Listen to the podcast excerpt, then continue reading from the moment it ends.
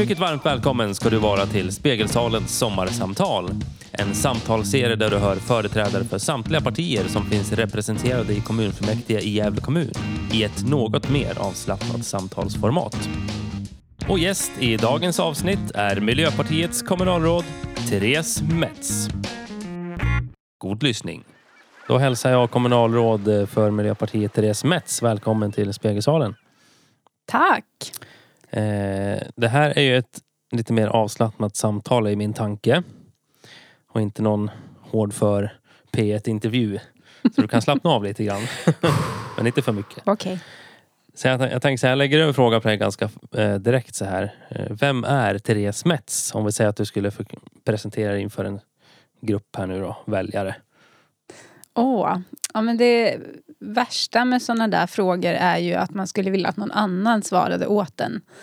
Eh, jag tänker att de runt omkring mig kanske har bättre koll. Nej, ja kanske. Eh, nej men eh, vem är jag då? Jag bor ju i Hamrånge, fyra mil norr om Gävle.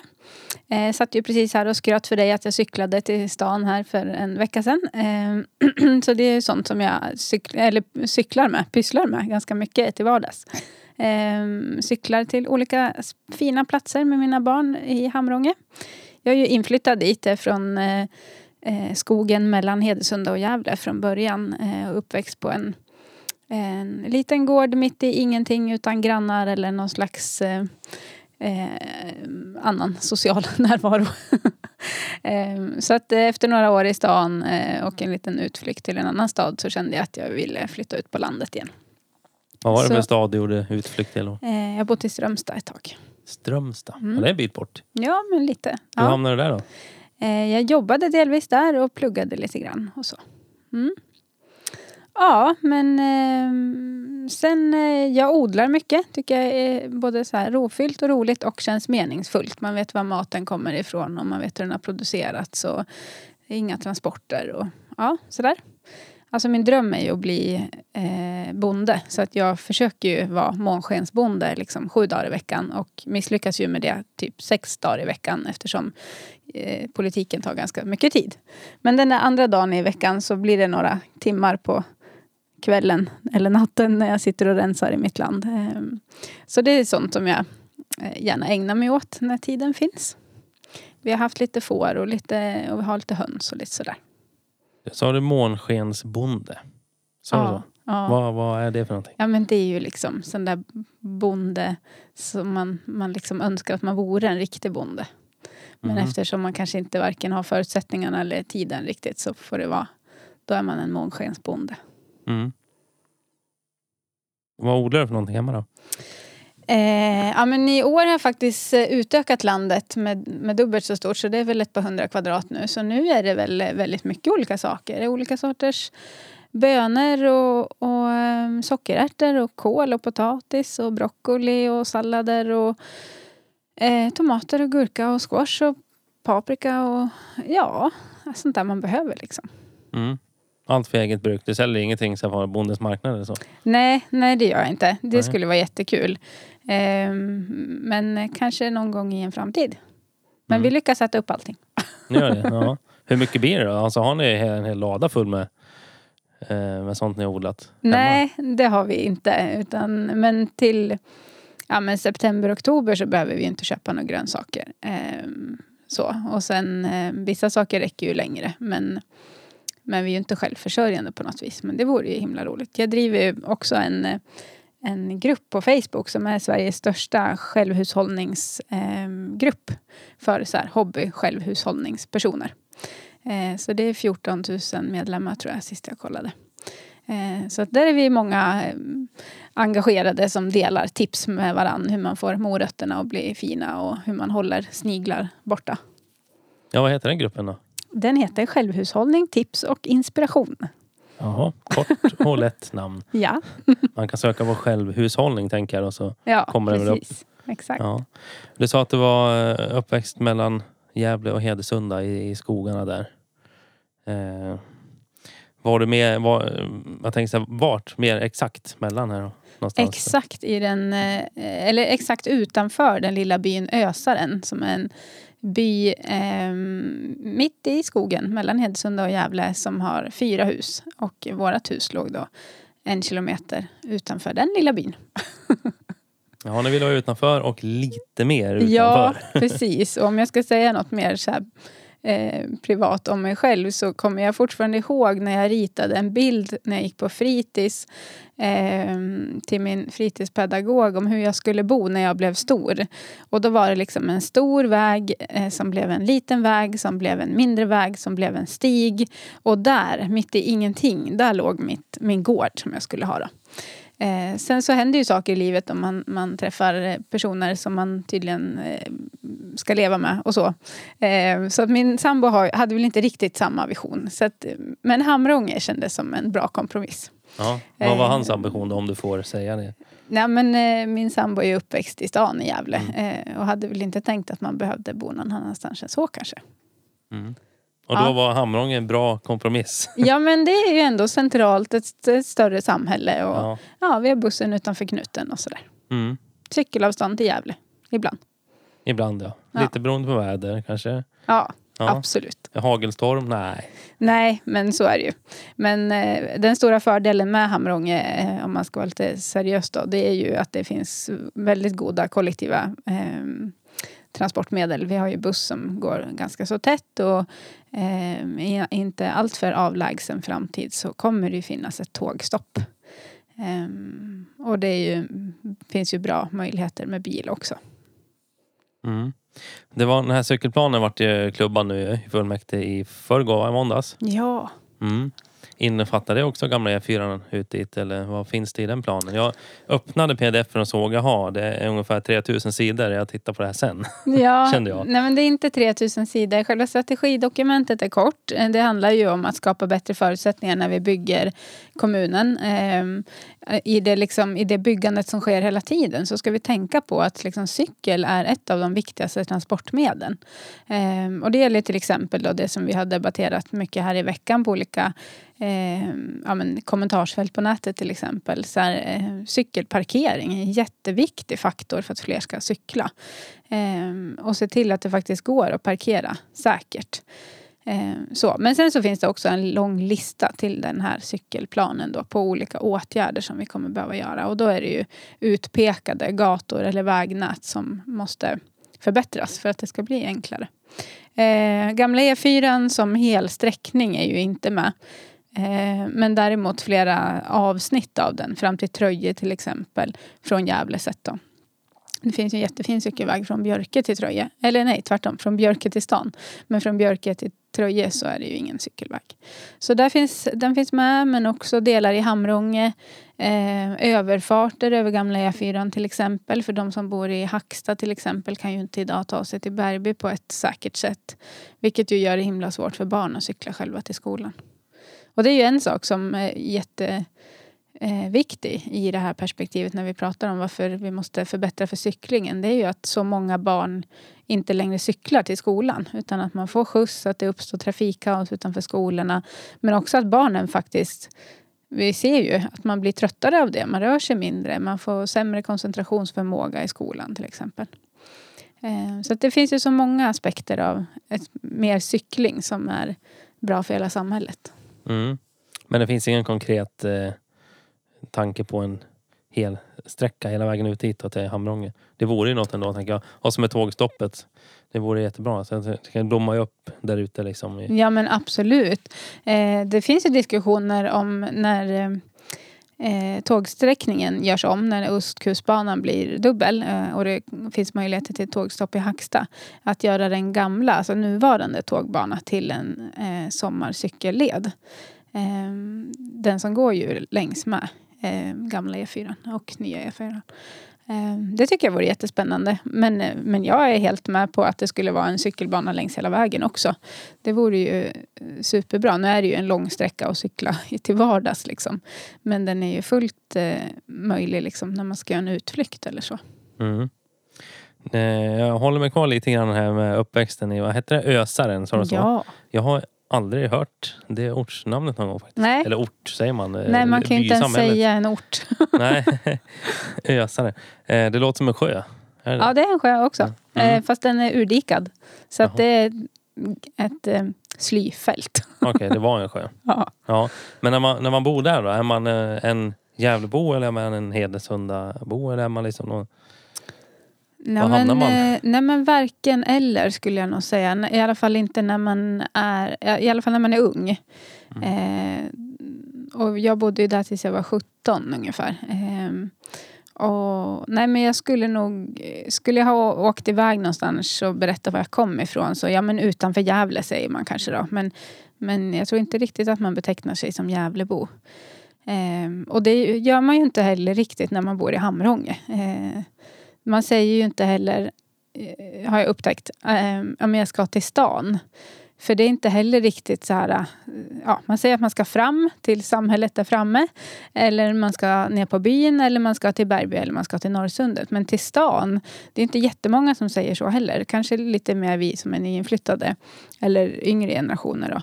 Eh, men, men, och det blir väl lite så, de här samhällena utanför större städer har ju egna identiteter. Eh, och det tycker jag är jättelockande. Det är liksom, jag tycker det finns mycket i det som vi skulle kunna eh, vinna på och stödja lite grann. Eh, jag tror att det finns en annan sammanhållning, en annan lokal stolthet, eh, ett annat engagemang liksom för, sin, för sin by och för sina medmänniskor och så. Och det kan ju både vara väldigt utmanande ibland. Eh, men vi kan också, tror jag, som samhälle tjäna på det. Eh, vi har ju sett till exempel i de här ytterområdessatsningarna som vi har gjort i politiken nu på Hedesunda, Forsbacka och eh, Hamrånge att eh, ja, men lägger vi liksom 100 000 på någonting i, i eh, Hamrånge på att bygga någon eh, vad det kan vara. Ett utegym till exempel har vi byggt. Eh, då kan det växlas upp liksom med flera hundratusen för att folk kommer dit och bygger ideellt och lägger till egna grejer och använder sin egen traktor och tar lite grus från den plätt man ändå hade och sådär.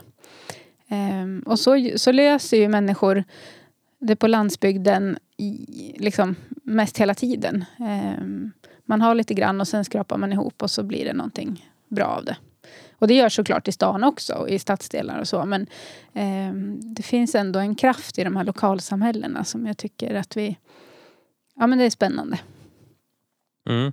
Det, eh, det tänker jag också tillbaka på när jag pratar med eh, Edsvik som är från Hälsingland och Elin Lundgren som också är från Hälsingland. De är, eh, jag frågar liksom den här stoltheten som man har som när man kommer från Hälsingland. Och då sa de att det kan nog vara det här att man är van att klara sig mycket själv. Mm. Det, det finns även där. Att man har den här liksom, inte, man har inte närheten till centralmakten så att säga. Förstår du? Så, Mm. så mycket service utan man gör det själv. Det Mm.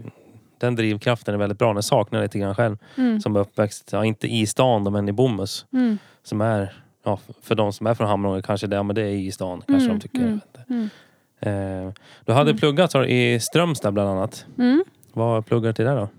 Eh, ja, men där läste jag en kort kurs i journalistik. Eh, annars har jag läst kurser här på högskolan. Eh, och eh, ja, men lite olika, plockat lite olika kurser när jag har jobbat och läst parallellt och sådär från olika universitet. Mm. Så du har ingen, eh, du har inte gått någon linjeinriktning? Så här. Nej, jag har, eh, jag har många tankar om att jag ska göra det. En vacker dag. Ja, Ja, vad har du gått för kurser då? Förutom journalistik? Eh, ja, men flera olika inriktningar med statsvetenskap, eh, genusvetenskap, eh, eh, organisationsstruktur och ledning och ja, så. Det var blandat det. Ja, Ja. precis. Då tänker jag så här, vad, vad, är, vad, är, vad är tanken att du skulle vilja plugga längre fram då? Av, av de här så skulle jag kunna... Hade han, ja, nej, du får säga själv. Jag ska inte... Du får gärna komma med en analys. Det kanske skulle underlätta för mig. Ja, Eh, nej men alltså, för varje kurs jag har läst eh, på högskolan eller om det varit på folkhögskola till exempel så har jag känt så här, åh vad spännande, det här vill jag lära mig mer om. Eh, så det är det som kanske är min utmaning. Det mesta jag sätter tänderna i tycker jag är spännande och roligt. Liksom. Eh, men och sen så har det alltid liksom varit så att det dykt upp saker som har gjort att nej men just den här hösten passar inte riktigt att påbörja något specifikt program utan jag fortsätter att plocka på mig lite kurser parallellt med andra saker. olika jobbuppdrag eller andra saker som har hänt liksom i livet. Så. Eh, men jag, det finns en lång rad med spännande program som jag skulle vilja läsa. Jag har suktat i många år efter att läsa byggnadsantikvarieprogrammet på Gotland. Eh, jag har eh, eh, ja, men, tänkt läsa miljö, till miljöstrateg och jag har eh, kommit in på olika program för hållbar utveckling flera gånger. Eh, och sen tvingats inse att det är svårt att kombinera med politik på heltid eller andra saker. Eh, ja. Journalist och veterinär är också sådana där saker som jag har eh, varit på väg att påbörja eller påbörjat. Journalist och veterinär. Ja, visst är det, visst är det sammanhängande. Byggnadsantikvarie. Ja. Miljöstrateg. statsvetenskap. Ja, ja. vad är den röda tråden? Nej men alltså det är väl ett samhällsengagemang. Jag tycker att jag ser liksom spännande saker man skulle kunna driva för utveckling i det mesta. Liksom. Mm. Så. Eh, jag har alltid haft ett stort djur och naturintresse och det var väl utifrån det som jag i många år tänkte, eller var helt på det klara med att jag skulle bli veterinär. Och sen eh, hade jag faktiskt praktik hos en veterinär i, i Ljusdal. Eh, och efter några dagar när vi bara hade suttit hemma hos olika bönder och fikat och sågat av kor deras horn. Eh, vilket inkluderade då blodbad varenda dag. Eh, så kände jag att nej, jag kanske... Det här var en nyttig vecka för att nu ska jag omvärdera det här. eh, vilket jag i och för sig kan tycka är lite synd ibland för att jag förstår ju nu att veterinär eh, innebär väldigt många andra saker också. Ehm, men eh, ja, alltså sen gymnasiet så har jag ju, eller sen högstadiet egentligen också, så har jag engagerat mig ideellt i massor av olika miljöorganisationer. Ehm, och det har väl varit liksom min största drivkraft som jag har velat få utlopp för. Och miljöfrågor liksom finns ju i allt och det är väl det som också min, mina olika studieval har liksom gett sig lite uttryck i. Eh, miljöfrågor är ju både att bygga hållbart och långsiktigt och få byggnader att fungera och stå i flera hundra eller tusen år. Eh, miljöfrågor är ju liksom eh, eller hållbarhetsperspektivet är ju superviktigt i journalistiken, inte minst. Liksom. Hur ser vi till att bygga ett hållbart samhälle på riktigt? Eh, och alla andra perspektiv därigenom. Liksom. Grundskolan då, var gick du då någonstans? Det som att, eh, gick du, du som bodde i en liten by, Gick du i en sån här pittoresk liten byskola? Ja, men jag gjorde ju det. Gjorde det? Ja. Eh, som eh, hette Grååsen. Så att, eh, vi var tre stycken i min klass.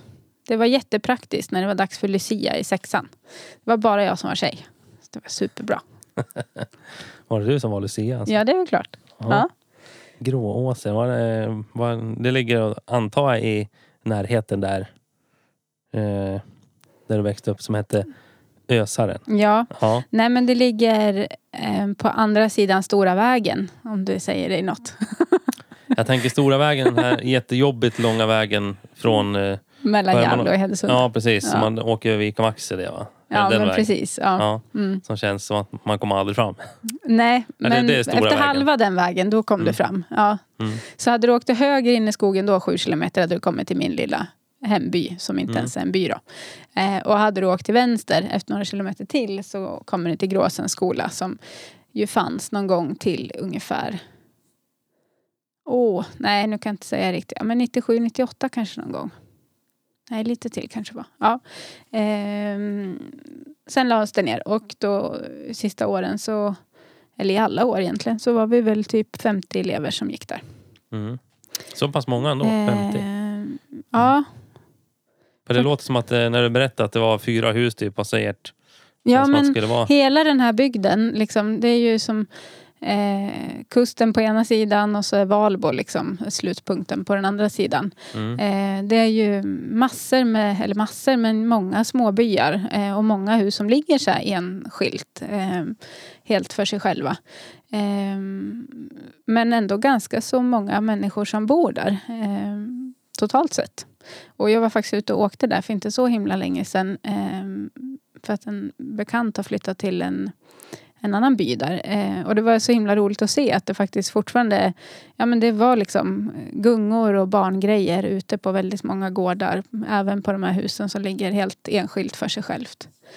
Eh, Och det, ja, men det var ju väldigt speciellt inser man så här i efterhand när man pratar med folk. Och folk lite som du börjar ställa väldigt många frågor. Så, Jaha, hur var det liksom?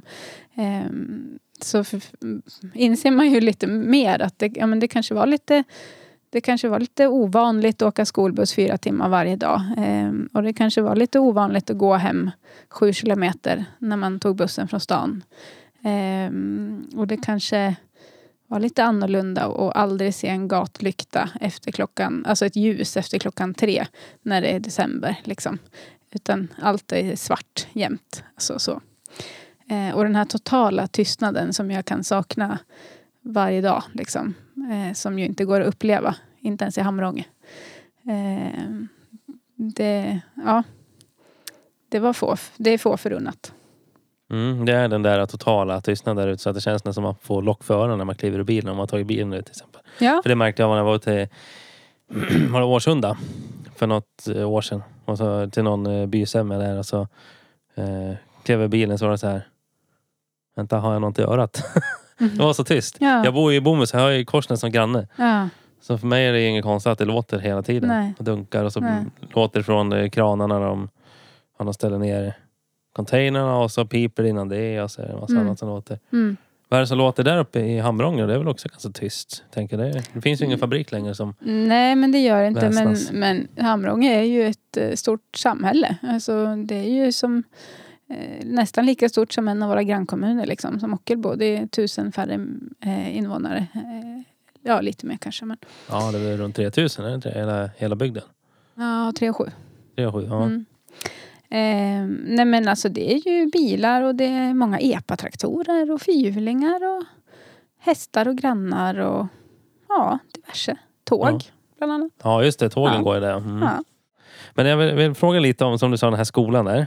Att många frågar och undrar. Eh, jag sa det 50 elever ungefär på en skola. Då tänker jag att då finns det inte årskursvis för alla. Så det finns en etta, en tvåa, en trea. Nej. Då är det väl ganska då är parallellt kan jag tänka. Alltså ettan till trean, fyran till sexan. Eller hur var det? Ja, ettan till trean och, och fyran till sexan var det. Mm. Och väldigt små Ja. grupper då. Ja, Mm. eh, jo men det får man ju säga att det var. Mm. Mm. Du, men sen när du började i högstadiet, jag antar att du, då var det någon skola inne i stan där? Ja, Solängds skola. Solängs skola. Mm. Hur var kontrasterna däremellan? Hur reagerade du när du kom in i, i liksom på Solängen? Att det, som ändå en ganska stor skola. Ja, nej men det var ju ganska stora kontraster såklart från att ha varit då tre i våran klass. Alltså inte fyra till sex utan just vi som gick i sexan, då var ju tre personer. Ehm, och sen så hamnade vi i en normal klass med 30 elever liksom direkt så i sjuan. Men det var ju också en tid i livet när man nog kände ganska mycket, eller man, jag kände ganska mycket att, att jag behövde ett större perspektiv. Ehm, vi hade det ju helt fantastiskt där ute på den här lilla skolan och med superengagerade lärare och de kunde allt om oss och våra familjer och eh, allt möjligt så. Eh, men när man är så där, börjar bli liksom 12-13 och vill veta lite mer om världen så, så tror jag inte att, även om det var en stor förändring, så tror jag att den var ganska välkommen för alla. Eh, I den åldern liksom. Mm. Sen blev det Polhem, Vasa. Nej, men Vasaskolan och Mm. samhällsvetenskapligt internationell inriktning med mycket fokus på miljöpolitik. Jaha. Vilka, när, vad är vi i tiden nu då? När du går i gymnasiet? Eh, ja men 2000 började väl vi på Vasaskolan. Ja, och Mm. gick ut 2003. Mm. Mm. Hur het var miljöfrågan då? Det var väl, den har ju funnits på tapeten väldigt länge men jag tänker nu finns det väl, är den på agendan mer utbrett än vad den fanns för 20 år sedan tänker jag. Eller Mm. var det lika hett Mm. då?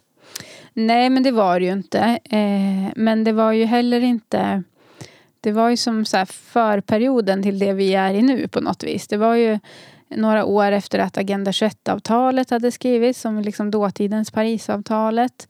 Eh, kommunerna hade ändå börjat med egna liksom, Agenda 21-samordnare. Så att det var ju, man hade ju liksom både lokalt och regionalt och nationellt börjat uppmärksamma miljöfrågorna på andra sätt. Och det var väl just därför som miljöpolitik fanns som valbart ämne på Vasaskolan till exempel. Ehm, så vi... Jag engagerade ganska mycket mina klasskompisar och andra i olika organisationer eller miljögrupper. Och, Eh, vi gjorde till och med någon miljöaktion där för våra lärare på någon arbetsplatsträff. Eh, för att uppmärksamma klimathotet till exempel. Arbete då? Vad har du, du har ju pluggat i massvis med olika saker. Här. Vad har Mm. du jobbat som? Eller med? Vad säger man? Ja, men jag har jobbat med ganska många olika saker eh, också. Jag började att dela ut reklam när jag var ganska liten. Eh, jag, Fyra postlådor. Nej, det var ju så svårt hemma hos oss. Ja. För då skulle man tjäna liksom fyra kronor ungefär. Om ens det. Mm. eh, så att, eh, jag är uppväxt med en ensamstående mamma och mina syskon. Eh, så att vi hade det ganska tufft ekonomiskt. Så att skulle jag ha någonting eh, extra eller liksom några finare kläder så där, då fick jag ju kämpa ganska hårt för det själv. Eh, så att min mamma hjälpte mig att köra in reklam till stan som jag satt och sorterade hemma först då, och så delade jag ut den sen i olika hyreshus inne i stan. Eh, så det började jag väl med när jag var typ 11 tror jag eller något sånt där. Eh, ja, men sen har jag jobbat på café och såna där liksom, grejer som man gör när man är ung. Eh, och sen vart det ganska många år i hemtjänsten eh, här på, på Gävle kommun. Eh, när jag pluggade och eh, reste lite och gjorde andra sådana saker. Och det tyckte jag var superroligt. Kändes så himla meningsfullt. Jag ville alltid jobba på jul. För då vart pensionärerna liksom extra glada. Så kunde man ha lite julmössa och eh, ja, sådär. Så det, det skulle jag lätt kunna fortsätta med att jobba med någon dag. När det finns möjlighet till det. Mm. Eh, sen har jag jobbat ganska många år på Region Gävleborg. Med, först på landstinget som sen då gick över till Region Gävleborg. Eh, med först olika miljöfrågor. Eh, Miljötinget bland annat. Ett stort, eh, ett stort projekt för att eh, engagera och uppmärksamma miljöfrågor för unga. Eh, och sen med olika skol och utbildningsfrågor. Bland annat inflytande för barn och unga. Och folkhälsofrågor. Det är också ganska blandat vad du jobbar med. Då. Ja, men lite kanske. Och det tror jag man har nytta av när man sen, om man ska engagera sig som politiker och ha lite olika insyn i olika eh, branscher. Liksom. Mm. Mm. Var det här i stan du jobbar på café då? Eller var det Ja, det annanstans var på ett café här i stan. som inte finns eller som finns kvar? Jo, men det finns. Men det har Ja. nya ägare sedan länge. Ja, men vilket eh, av alla kaféer är det då? Det var Café Java. Java, ja just det. Ja, det är lite av en institution ändå. Ja. Funnits länge. ja. Kanske tack vare mig. Nej. Ja. När du inte har arbetat och sådär då? Nu har du ju nämnt ganska mycket i början om odling. Jag Mm. tänkte på fritidsintressen och hobbys. och sådär. Har, du- eh, har du haft eller har du några hobbys som du har? Som ligger nära? Ja, men det är väl odlingen som tar mycket tid. Det liksom ska ju börja förkultiveras i, i februari och eh, sorteras fröer och skottas jord och sådär. Eh, så att sen vi köpte våran gård då, i Hamrånge så tar ju det den mesta tiden eh, förutom barnen och så. Eh, men annars så är jag ju gärna ute och rider om det finns tid till det eller tränar eller springer eller eh, mm, ja, gör olika utflykter lokalt liksom. Tycker jag är mysigt. Mm. När du var yngre då? Eh, man brukar ha, många har, eller man och man, många brukar ha tydliga intressen som när man är liten. Liksom. Hade du någonting? Ja men då var väl hästar liksom det som jag, om jag hade möjlighet, eh, försökte ägna, eller ägnade mig åt mycket. Grannars hästar eller någon gång när jag ibland kunde få låna en häst över någon längre tid eller sådär. Mm. För hästar, det har jag aldrig... Jag känner ingen som håller på med hästar. Eh, men jag har förstått att det är väldigt tidskrävande. Även om det är på hobbynivå. Ja, det så? verkligen. Vad gör man för någonting? För jag tänker så här, ja, men när, jag, när jag tänker med en, med en som håller på med hästar. Då, då står de och borstar hästarna. Ja, Är det det man gör hela tiden? nej, det vore ju mysigt. Det är ju det bästa liksom. För mig är inte hästfixandet så mycket ridning. Det är också jätteroligt såklart. Men, men för mig är ju liksom relationen med hästen och det här att vara i nuet och att släppa alla de här andra sakerna. Oavsett om, om man pluggar eller jobbar eller eh, och, och när man har kombinerat som jag har kombinerat politik och ett annat jobb i många år liksom, så har man ju alltid någonting man går och grubblar över eller funderar på eller sådär, hur ska jag lösa det här då? Eh, eller vem ska jag ta kontakt med sen? När man umgås med ett djur som väger kanske 700-800 kilo eh, som när som helst kan få för sig nästan var som helst. Liksom. Eh, eller blir rädd för något eller så. Då behöver man ju vara helt fokuserad på det man är, gör precis då. Eh, och det är ju mycket av tjusningen för mig och för många andra tror jag som, som håller på med hästar. Att man behöver vara så fokuserad och måste släppa allt annat. Och när man går därifrån, även om man bara nästan har mockat sin hästbox, så har man liksom genomgått en liten rening i, mentalt. Eh, så, för att man måste släppa allting åt sidan. Men, ja, men det är mycket som tar tid med hästar. Det är foder som ska eh, läggas fram i kanske påsar eller läggas ut i hagen. Och det ska göras rent i hagar och i boxen. Och hästen i sig ska ju ridas och borstas och skötas. Och den ska ha skor och den ska, mm, man ska kolla igenom den så att den inte har fått något sår under dagen eller eh, ja, sådär. Det är ju rätt så mycket runt omkring liksom. Man ska städa stallet och ibland kanske man ska skotta till och med om det är sån årstid. Och, ja, det, det är tidsödande. Ja, det ja, mycket med det där så att säga. Ja, så Ja. är det. Jag vet jag provade att rida eh, ponnys en gång när jag var liten. Gick på några läger. kommer Ja, jag att tänka på nu. Du Jag var ser. rädd för dem. ja, ja. Jag har alltid du- haft svårt för djur. Jag har svårt att lita på djur. Ja, men Ja. det är ju det som är också tjusningen, att man behöver lära sig det. Och det handlar ju i grunden, tänker jag, mycket om att lära sig lita på sig själv. Att liksom, ja, men jag, jag klarar det här. Är jag lugn och stabil nu så kommer den här stora totton här bredvid också förstå att, att det är lugnt. Liksom. Eh, mycket med hästar är ju så. Eh, ser de någonting som de blir rädd för så hänger det jättemycket på hur jag tacklar situationen. Kan jag sitta still och andas lugnt och en häst kan man inte lura. Utan har jag hjärtklappning så känner den ju det på en gång. Liksom.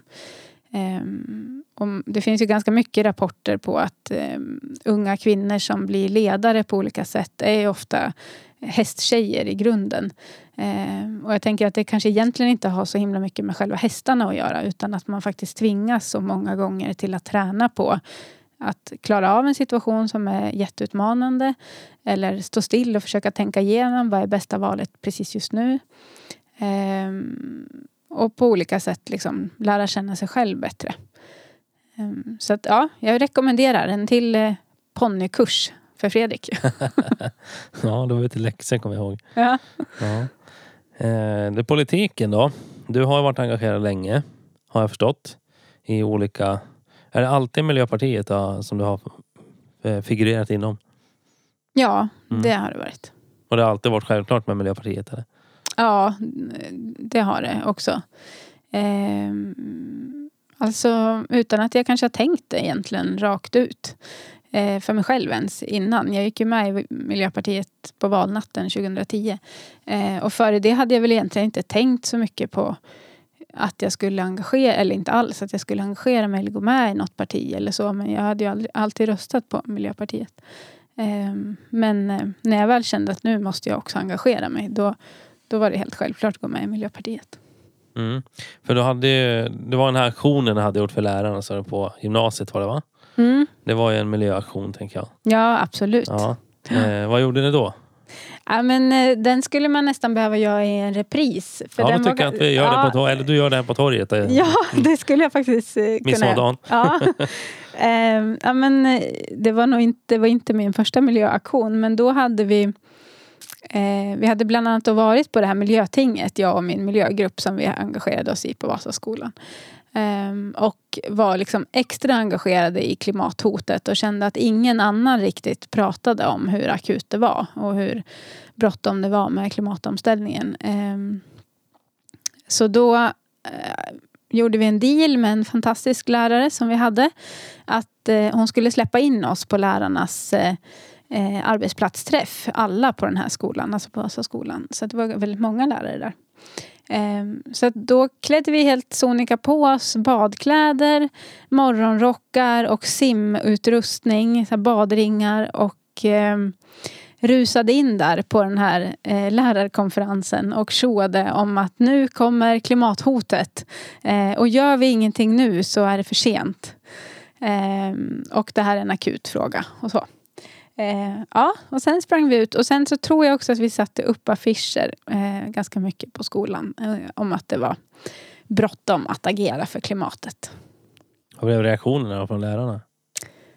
Eh, ja, men det tror jag. Jag kommer inte riktigt ihåg faktiskt. Men jag, det var inget negativt i alla fall. Ganska positivt tror jag. Mm. Det är, det är min känsla i alla fall. Mm. Men när liksom 2010 gick du med i Miljöpartiet. Men innan, hade du något engagemang innan det? I, alltså politiskt eller i någon annan organisation? Eh, ja, jag har ju suttit i styrelsen för eh, Studiefrämjandet, för Naturskyddsföreningen i många år. Eh, eh, och eh, ja, flera olika organisationer. Ehm, och drev en miljögrupp då i Gävle som hette Unga Agenda 21. Eh, så vi var en grupp fristående miljöengagerade. Eh, och så har jag jobbat åt Fältbiologerna och eh, engagerat mig i deras verksamhet också.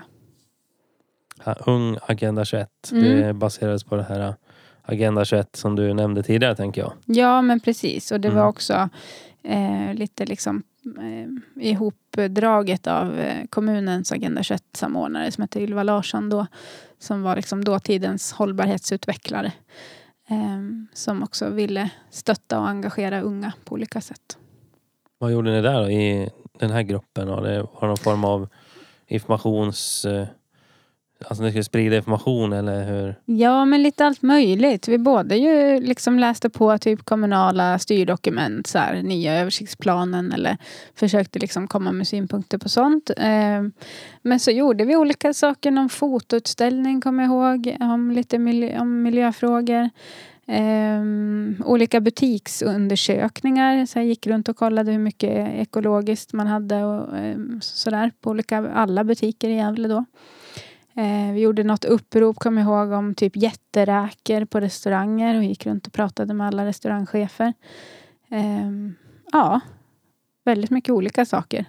Vad är det med jätteräkor som inte är så bra då? Jätteräkor odlas ju i mangroveträsk i Asien. Eh, där man sprutar i väldigt mycket antibiotika i de här eh, odlingarna. För att de, inte, de odlas ju på ett sånt sätt så nära varandra och i en sån liksom ensidig miljö så att de utvecklar massor med sjukdomar och så.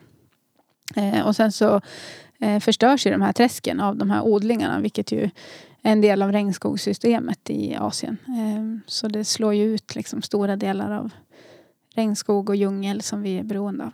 Mm. Är de här eh, jätteräkorna de eh, inte naturliga? Eller har man moddat fram dem?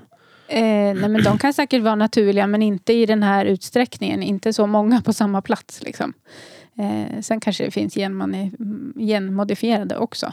Mm. Men, eh, men det är ju mer sättet de odlas på. Precis som odlad lax till exempel. Alltså, alldeles för många miljoner individer på en alldeles för liten yta leder ju sällan till något bra. Mm, ja, precis. Stämmer. Eller jag håller med ska jag säga. Ehm, eh, jo, det, 2010 gick du med i Miljöpartiet. Hur fort kom du in i själva eh, i, ska man säga, i partiet då? För vi, jag tänker så här, alla partier har olika kulturer. Och vissa partier tar längre tid att komma in liksom i, i stugvärmen. Så att säga. Mm. Eh, och vissa går fortare. Mm. Hur har det funkat för, eller hur funkar det i Miljöpartiet? Kom du in snabbt liksom fick något uppdrag direkt? Eller Ja. var det den här koka kaffe först i ett, ett par år? Nej, men alltså jag kände ju flera i Miljöpartiet eh, för att de hade Ja, men vi hade träffats i olika samma sammanhang liksom, eftersom jag har suttit i styrelsen i Naturskyddsföreningen i många år och, eh, vilket ju engagerar i stor utsträckning samma typ av frågor som Miljöpartiet engageras i. Eh, men också genom ja, men jobb och andra saker. Så, så eh, jag blev faktiskt uppringd efter bara någon vecka och den som ringde upp var så här, men gud vad kul att du har gått med. Kan du snälla ta det här uppdraget? Um, så ja, det gick väldigt fort och jag tänkte ju bara vara stödmedlem och liksom ja, men kanske komma på någon medlemsaktivitet sådär. Um, så då, men det är ju det är också något som är ganska tydligt, tänker jag. Så länge man inte själv går in i politiken så har man inte riktigt heller koll på, tror jag, hur mycket alla partier behöver nya politiker. Ehm, för så är det ju verkligen. Vi behöver ju verkligen fler liksom, politiker, både på uppdrag men framförallt som engagerar sig i politik. I alla partier skulle jag säga att det är så. Ehm, så det, och det var ingenting som jag liksom hade uppmärksammat så himla mycket innan jag själv eh, gick med. Ehm, och sen blir det ju väldigt tydligt när man blir uppringd och någon säger vi behöver verkligen eh, fler engagerade. Så ja, det, gick fort. Det gick fort. Vad var ditt första uppdrag? Ehm, först satt jag i samhällsbyggnadsnämnden i Gävle kommun eh, som ersättare. Ehm, och eh, sen eh, blev jag ordförande för Miljöpartiet Gävleborg. Ehm, så ja, de uppdragen hade jag ganska länge. Det är alltså för... eh, Det blir som eh, Distriktet. distriktet Ja. ja. Mm. Precis. Är det, blev det som ett heltids... Nej, vet det är ju ett ideellt uppdrag. Det det? Mm. Eh, men det tog mycket tid. Kan man Mm. säga. Väldigt mycket tid. Vad gör man då, då som ordförande i ett distrikt? Så här? Ja men det är ju det är ju sånt uppdrag som man kan svälla hur mycket som helst. Som skulle kunna vara liksom en heltid minst. Ehm, det handlar ju om att få ihop alla lokalavdelningar i en, eh, i en region. Alltså se till att man kanske driver ungefär samma politik. Att eh, politiker i olika kommuner kan lära känna varandra. Att man kan få kompetensutveckling och kanske gå kurser och träffas. Och, så, men det handlar ju också om politikutveckling, att se till att vi har en bra agenda för Miljöpartiet för Gävleborg. Ehm, det handlar ju också om att samordna liksom regionpolitiken, ehm, alltså de politiker förtroendevalda som sitter för eh, partiet då i Region Gävleborg. Ehm, och se till att det drivs på eh, där. Det handlar ju också om liksom, samordning med partiet på riksnivå. Till exempel liksom synka eller utveckla politik för hela landet och för alla regioner. Och det finns ju också anställda kopplat till distriktet som man då är arbetsgivare för och ska arbetsleda och så. Så att det är ett uppdrag som kan bli hur stort som helst ehm, och som är jätte, jätteroligt. Eh, men också ganska utmanande då eftersom det sker ideellt på, på ens fritid. Och i mitt fall då hade jag ju ett vanligt heltidsjobb som väl också var mycket mer än heltid ofta. Var du ordförande ända fram till blev vald som kommunalråd? Nej, jag var ordförande i ehm, tre eller fyra år. Ehm, men sen var jag ordförande för Miljöpartiet Gävle i ett par år. Ehm, och då klev jag av distriktsuppdraget då, bland annat. När blev du vald till kommunalråd då? Ja, men det här är ju Det ska du 2017. kunna. Ja, eller hur? Det ska jag kunna också. Ja, tack. Det var för ett tag sedan. Ja, men 2017 va? Var det väl? 2017? Visst är det väl det? Eller var det 2016? Jag kommer inte ihåg siffrorna men jag kommer ihåg att bilden på dig är tagen i Esplanaden. Ja, det blir- precis. Det blir där borta. Ja, men då blir det ju jag här. 2016 förresten. Ja, 2016. Det går Ja. så fort nu så att jag, jag förhåller mig till antalet år men jag kan inte komma ihåg vilket år. Men då Ja. kom du in mitt i en mandatperiod alltså. Ja, precis. Vem var det som eh, du efterträdde? Roger Persson var Roger ju... Persson var det, just det. Mm. Vad, eh, hur kom det sig att du, att du blev eh, kommunalråd då? Jag tänker att det är ingenting man väljer själv, man blir ju nominerad. Det är väl det vanligaste. Jag vet inte om alla partier gör samma sak, men man, har väl en, man ska nominera. Ja, eh, ja men precis. Det var ju valberedningen hade ju, eh, hade ju en nomineringsprocess. Eh, men, eh, ja, men först så var jag, medan jag var föräldraledig eh, med mitt andra barn så var jag samtidigt då politisk sekreterare åt Roger.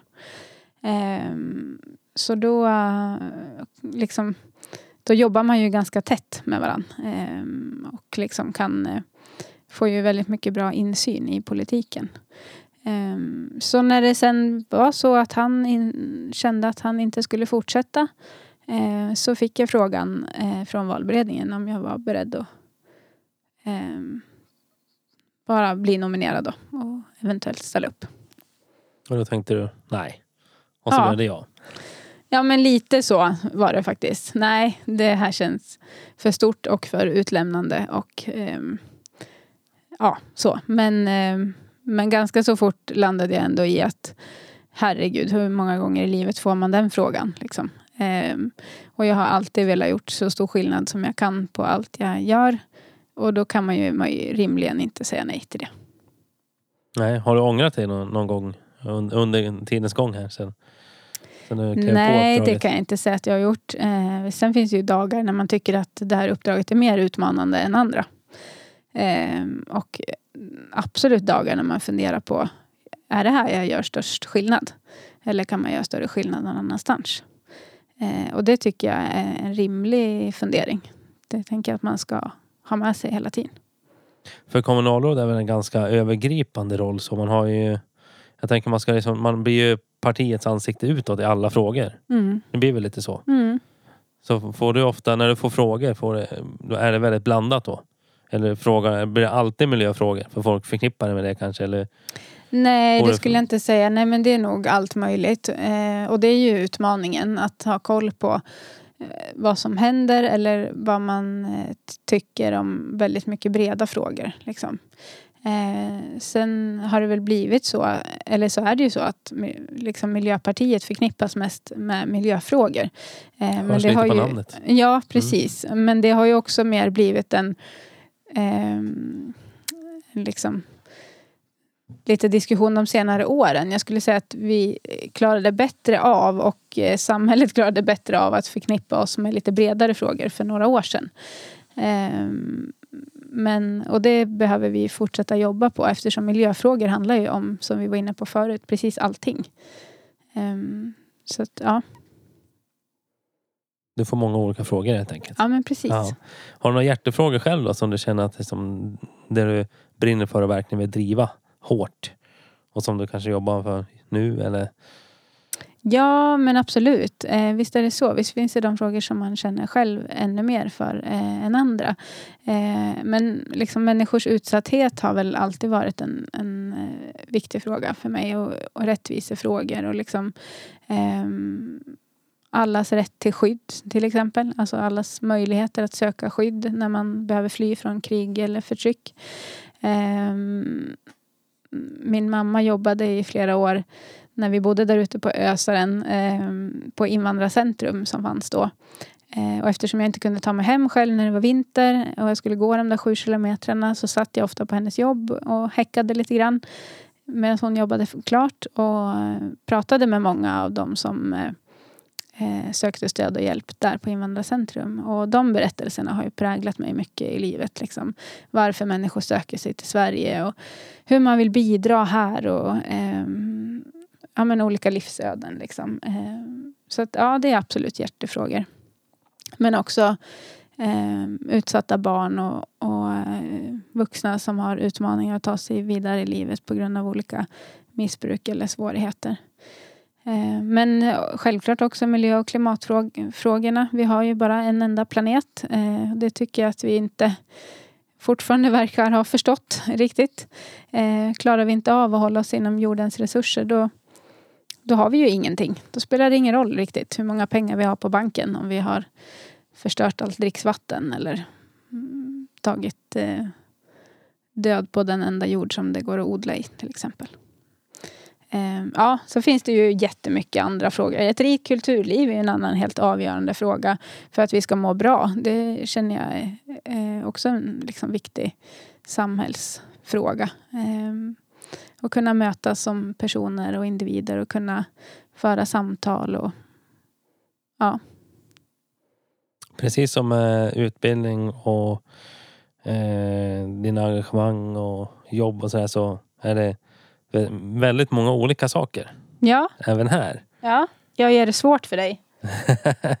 ja, nej men det, det är intressant för jag försöker, man, i alla fall jag försöker sen när jag samtalar med någon att försöka hitta någon form av röd tråd. För ofta så finns det någonting som de flesta navigerar sig efter. Mm. Men det känns som att du navigerar mer efter eh, svar, inte svar på frågor, inte specifika ämnen utan snarare ett sökande, ständigt sökande eh, efter kunskap, tänker jag. Det måste vara din Mhm. röda tråd. Det får jag ha Ja, det men till. kanske. Ja, men det var ju spännande. Ja, men som att, det- att det är så många olika saker. ja. Vi får ju ihop ett samband kanske. Jag vet Ja. inte. Det går att, Ja men alltså livet är ju komplext. Livet eh, för varje individ är komplext och livet på den här planeten för oss allihopa är ju komplext. Liksom. Jag, jag kan verkligen få krypningar i kroppen om man får uttrycka sig så. När vi har så här politiska samtal som ibland kan hända i kommunfullmäktige till exempel. Eh, där saker ska förenklas till den grad att vi knappt ens vet riktigt vad vi pratar om. För, för så är ju aldrig verkligheten. Eh, och det har du kanske eh, rätt i. Liksom, att det, jag, jag försöker nog hitta många olika eh, förklaringsmodeller och svar på saker. För att det är ju så det är. Jag kan inte landa i något annat. Um, det mesta är ju ganska så krångligt. Och sen behöver vi ju ändå kunna liksom hitta rimliga svar och lösningar här och nu. Um, man kan inte alltid bara ställa en massa frågor och inte kunna ta ett beslut eller prioritera. Um, men när man får passa på att vara så här bred och fluffig som man får nu så, så är det lika bra med att vara ärlig med att det mesta är ganska krångligt här i livet. Ja, du sa prioritera. Om du skulle välja då och prioritera någon, någon av de frågorna du har sagt nu. Kommer du ihåg vilka du har sagt? Alldeles nyss alltså. Du, Mm, vilka vilka vikt- frågor som var hjärtefrågor? politiska hjärtefrågan? Mm. Ja. Du, Nej men då är det ju miljö och klimat. Alltså, det är den som är topp. eh, Liksom. Ja, men alltså, om vi inte har en planet som det går att andas på, odla mat på och dricka vatten ifrån, då har vi ingenting. Eh, så är det ju bara, punkt slut. Det är liksom eh, fysiska fakta som, som åtminstone naturvetenskapen tror på. Liksom. Eh, och, men sen så har vi ju som tur att vi klarar av och kan hantera många saker samtidigt. För om vi inte mår bra som människor så spelar det ju ingen roll om vi har en bra planet.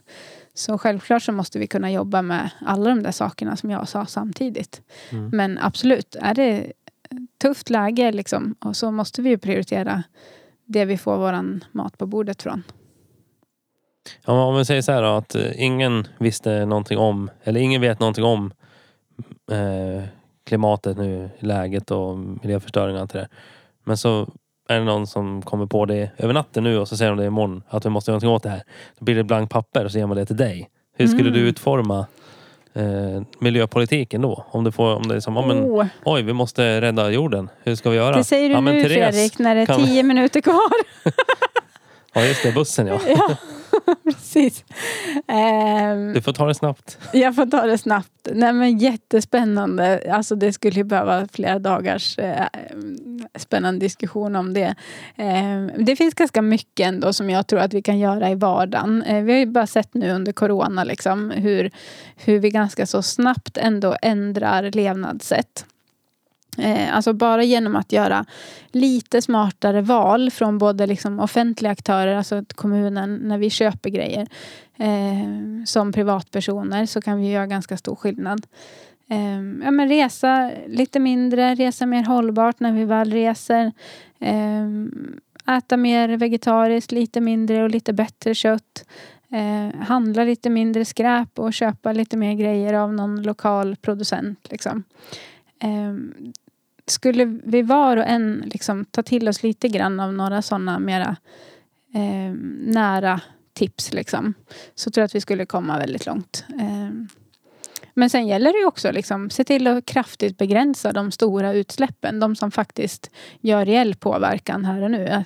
Att inte bygga ut fler oljeraffinaderier till exempel på västkusten. Eh, eller eh, ja, men att inte släppa ut eh, avloppsvatten i Östersjön. Alltså det finns ju ganska så många stora sådana eh, om man fick chansen att vara den som ritade då på ett helt vitt papper. Ja, då kraftigt liksom se till att eh, kol och olja ska ju stanna i backen från och med imorgon i så fall. Mm. Ja men då fixar du det till imorgon då. Mm. Eh, ja, men eh, ge mig det där pappret du bara. Så. Ja, det har varit lite kort om tid så det får räcka Mm. med ett vykort nu kanske. Ja. Vi tar sista frågan då. Eh, smultronställen. Har Ja. du något smultronställe eller några smultronställen? Du brukar vara ute och cykla mycket sa du, så jag tänkte Ja. du kanske har jättemånga. ja, det har jag. Mm. Men då får du hålla dig till det här vykortet igen. Okej. Ja. Mm. Eh, ja, men först då tipsar jag om ett som jag upptäckte här i januari när det var så mild vinter eh, som var helt fantastiskt. Eh, eller är. Skämningsön. Precis före Gåsholma. Eh, nu rör vi oss alltså i Hamrångebygden då. Eh, Skämningsöns naturreservat. Helt fantastiskt. Jättefint. Tre kilometer liten rund slinga eh, runt en ö med ett pyttelitet berg på. Eh, jättefin sand, eller, nej, stenstrand ut mot havet. Ja, det är nummer ett. Nummer två, Axma bruk. Helt otroligt. Alltså där finns ju allt man behöver här i livet. Eh, gårds- Ingen herrgård dock. Eh. Nej, men snart kanske. De är Mhm. på väg att återuppföra den. Ehm, Så att man kan åka dit och titta på eventuella liksom, nya slottet som kan komma där. Och så finns ju gårdsbutik och så finns ju café och så finns restaurang och vandringsleder och gamla skeppsvrak och ja, men allt man behöver. Liksom. Eh, ja, Det är ju helt grymt. Gysinge är ju ett annat sånt superställe.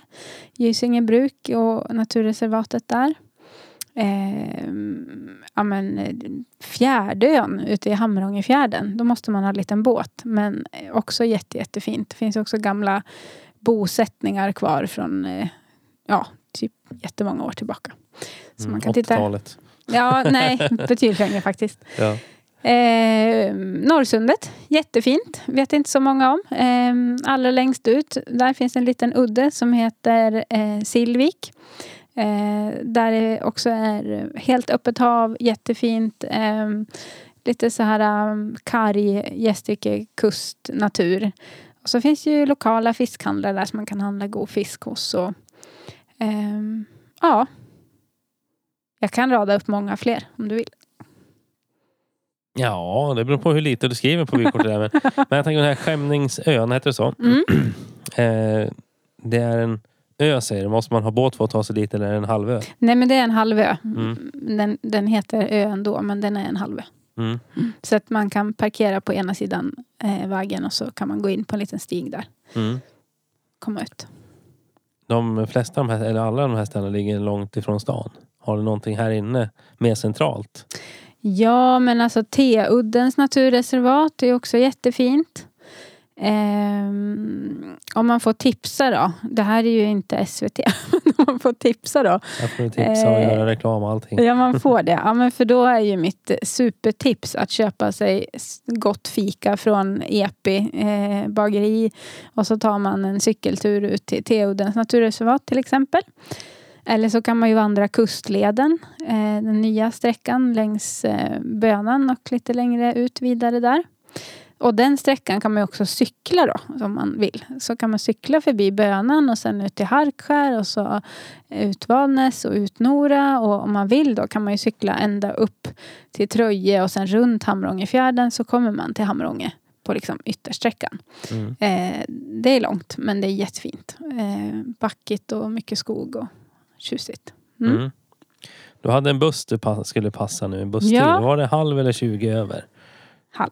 Halv. Bra. Mm. Ja, men då tar vi väl och avslutar nu kanske. Eller vad säger du? Ja, men vad är ditt sommartips då? Mitt sommartips.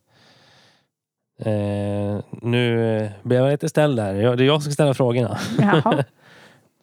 Ja du, jag vet inte riktigt alls jag. Jag brukar åka till, ehm, vad heter det nu då?